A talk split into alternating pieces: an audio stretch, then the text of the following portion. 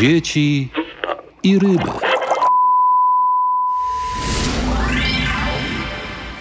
Podniesienie minimalnej odległości z 500 do 700 metrów to jest mniej więcej zredukowanie o połowę potencjału energetyki wiatrowej na lądzie, która mogłaby powstać. Dla mnie to jest absolutnie niezrozumiałe. Odnoszę wrażenie, i rząd, i koalicja sejmowa wspierająca ten rząd zachowuje się całkowicie niepoważnie, nie ważąc skutków dla gospodarki i dla poziomu życia obywateli ten sposób Janusz Steinhoff, były wicepremier i minister gospodarki, skomentował poprawkę PiS zmieniającą zapisaną pierwotnie w projekcie nowelizacji tzw. Tak ustawy wiatrakowej minimalną odległość usytuowania elektrowni wiatrowych na lądzie od zabudowań mieszkalnych. Ustawa wiatrakowa, tak zwana ustawa 10H, wprowadzona w 2016 roku, mówi o tym, że farmy wiatrowe nie mogą być budowane w odległości mniejszej niż dziesięciokrotność wysokości wiatraka z łopatą skierowaną do góry.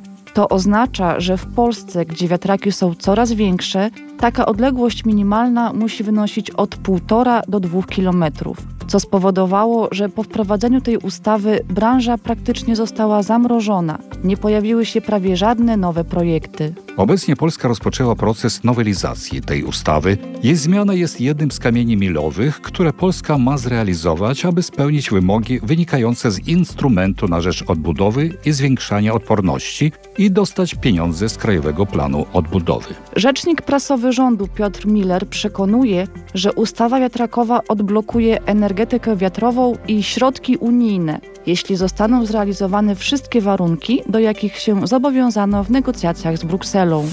Pamiętajmy o tym, że jednym z nich jest kwestia ustawy wiatrakowej, czyli ustawy dotyczącej liberalizacji przepisów w zakresie możliwości tworzenia właśnie elektrowni wiatrowych. I to jest też projekt, który jeszcze jest y, nieprzyjęty przez polski parlament.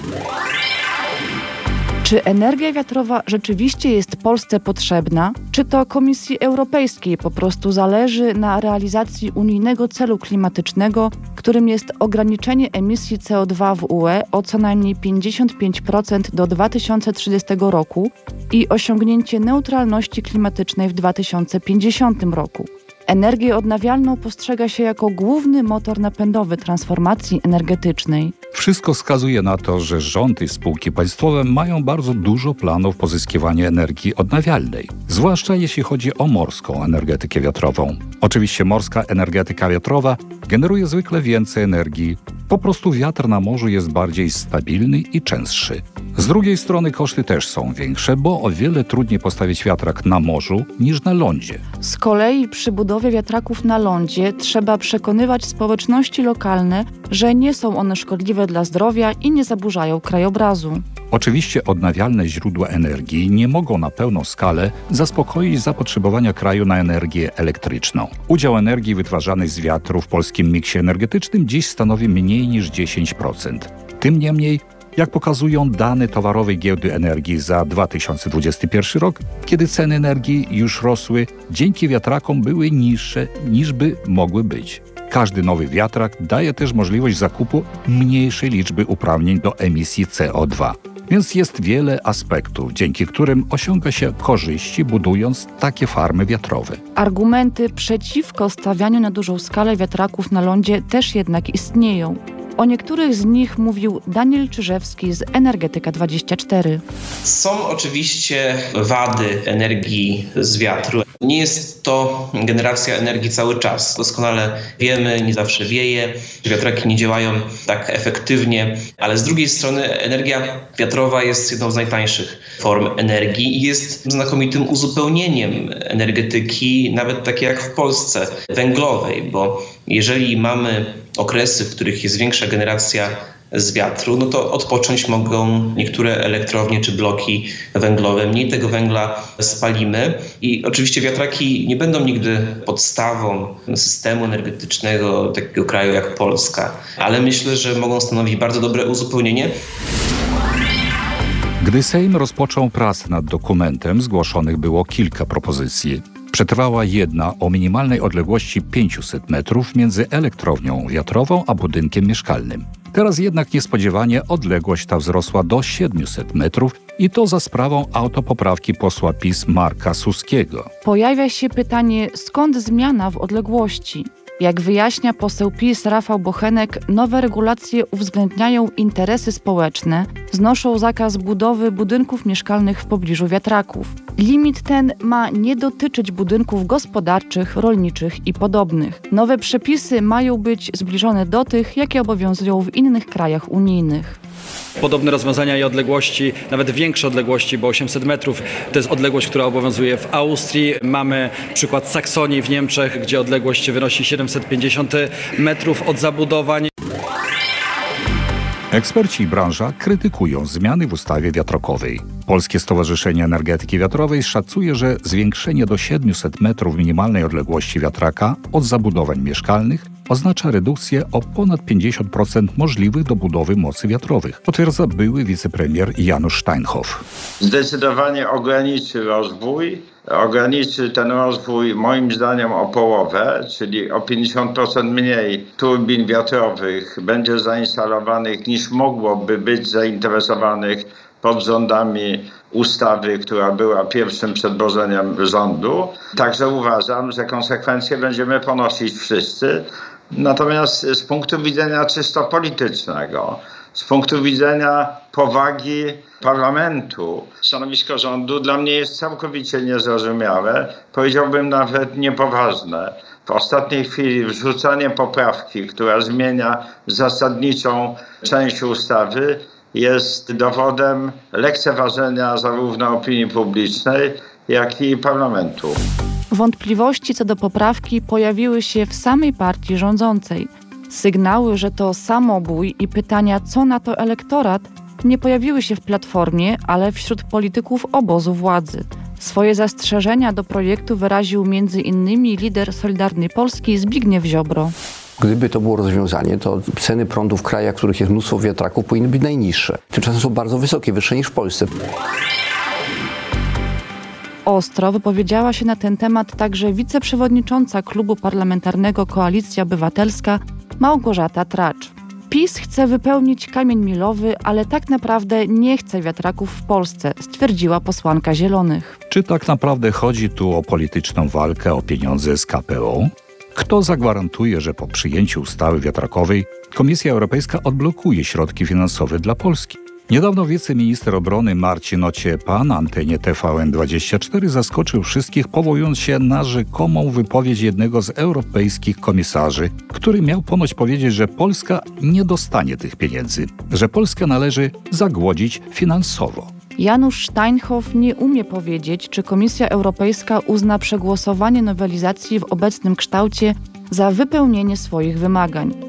Dotyczą one przecież nie tylko transformacji energetycznej, ale też praworządności. Według niego cały czas trwa niekończący się pseudodialog między Warszawą i Brukselą, a tymczasem cierpi polska gospodarka. To jest walka o pieniądze z KPO. To są potężne pieniądze. Ja przypomnę, że przecież znacząca część tych środków, 158 miliardów złotych, stanowią bezwzględną dotację. Niewielka część około 50 miliardów złotych. To są środki w ramach preferencyjnych pożyczek. Powinniśmy te środki wykorzystać. Natomiast ta decyzja kładzie się cieniem na wszystkich planach osiągnięcia efektów w energetyce wiatrowej do roku 2030. Ja przypomnę, że każdy rok opóźnienia w odejściu od tej ustawy to jest około 6 miliardów złotych dodatkowych kosztów, jakie musi ponosić polska gospodarka. Także trzeba mieć świadomość skutków z tego wynikających, skutków dla konkurencyjności polskiej gospodarki. Także wielki błąd brak powagi postępowania z interesariuszami, którzy byli konsultowani przez rząd. Dochodzę do wniosku, że wszystko w tej chwili, co dzieje się w polskiej polityce, w tym niestety gospodarczej, podporządkowane jest populizmowi kampanii wyborczej. Instytucją, która posiada bardzo bogatą ofertę finansowania projektów środowiskowych, zarówno w postaci dotacji, jak i zwrotnych pożyczek preferencyjnych, jest Narodowy Fundusz Ochrony Środowiska i Gospodarki Wodnej. będący operatorem większości programów unijnych, w tym Krajowego Programu Odbudowy. Środki w ramach KPO zostaną przekazane w pięciu obszarach, w tym na rozwój zielonej energii i zmniejszenie energochłonności. Razem ponad 28,5 miliarda złotych. Tę kwotę komentuje Borys Marcinkiewicz, główny redaktor platformy Geoenergetics Info. To walka o bardzo poważne pieniądze. Jest też preferencyjne opodatkowanie, preferencyjne oprocentowanie kredytów itd. Tak Oczywiście tam, gdzie są pieniądze, jest też walka polityczna. A póki co, co widzimy? W wyniku odrzucenia tanich rosyjskich surowców energetycznych, jednym z efektów tej walki jest trzykrotny wzrost taryf energetycznych i kosztów produktów przemysłowych. Bezpośrednie dotacje z budżetu Komisji Europejskiej można dostać tylko wtedy, gdy projekt ma znaczenie międzyregionalne. Na przykład istniały plany budowy morskiej farmy wiatrowej w Polsce w celu sprzedaży energii elektrycznej na Litwę. Tu była dotacja, ale preferencyjne traktowanie nie zniknęło to znaczy na giełdach będzie sprzedawana przede wszystkim tania energia elektryczna wytwarzana z odnawialnych źródeł energii. Czy będzie to nadal skuteczne zależy od tego, jak szybko będzie postępować dezindustrializacja i zamykane będą duże fabryki i zakłady.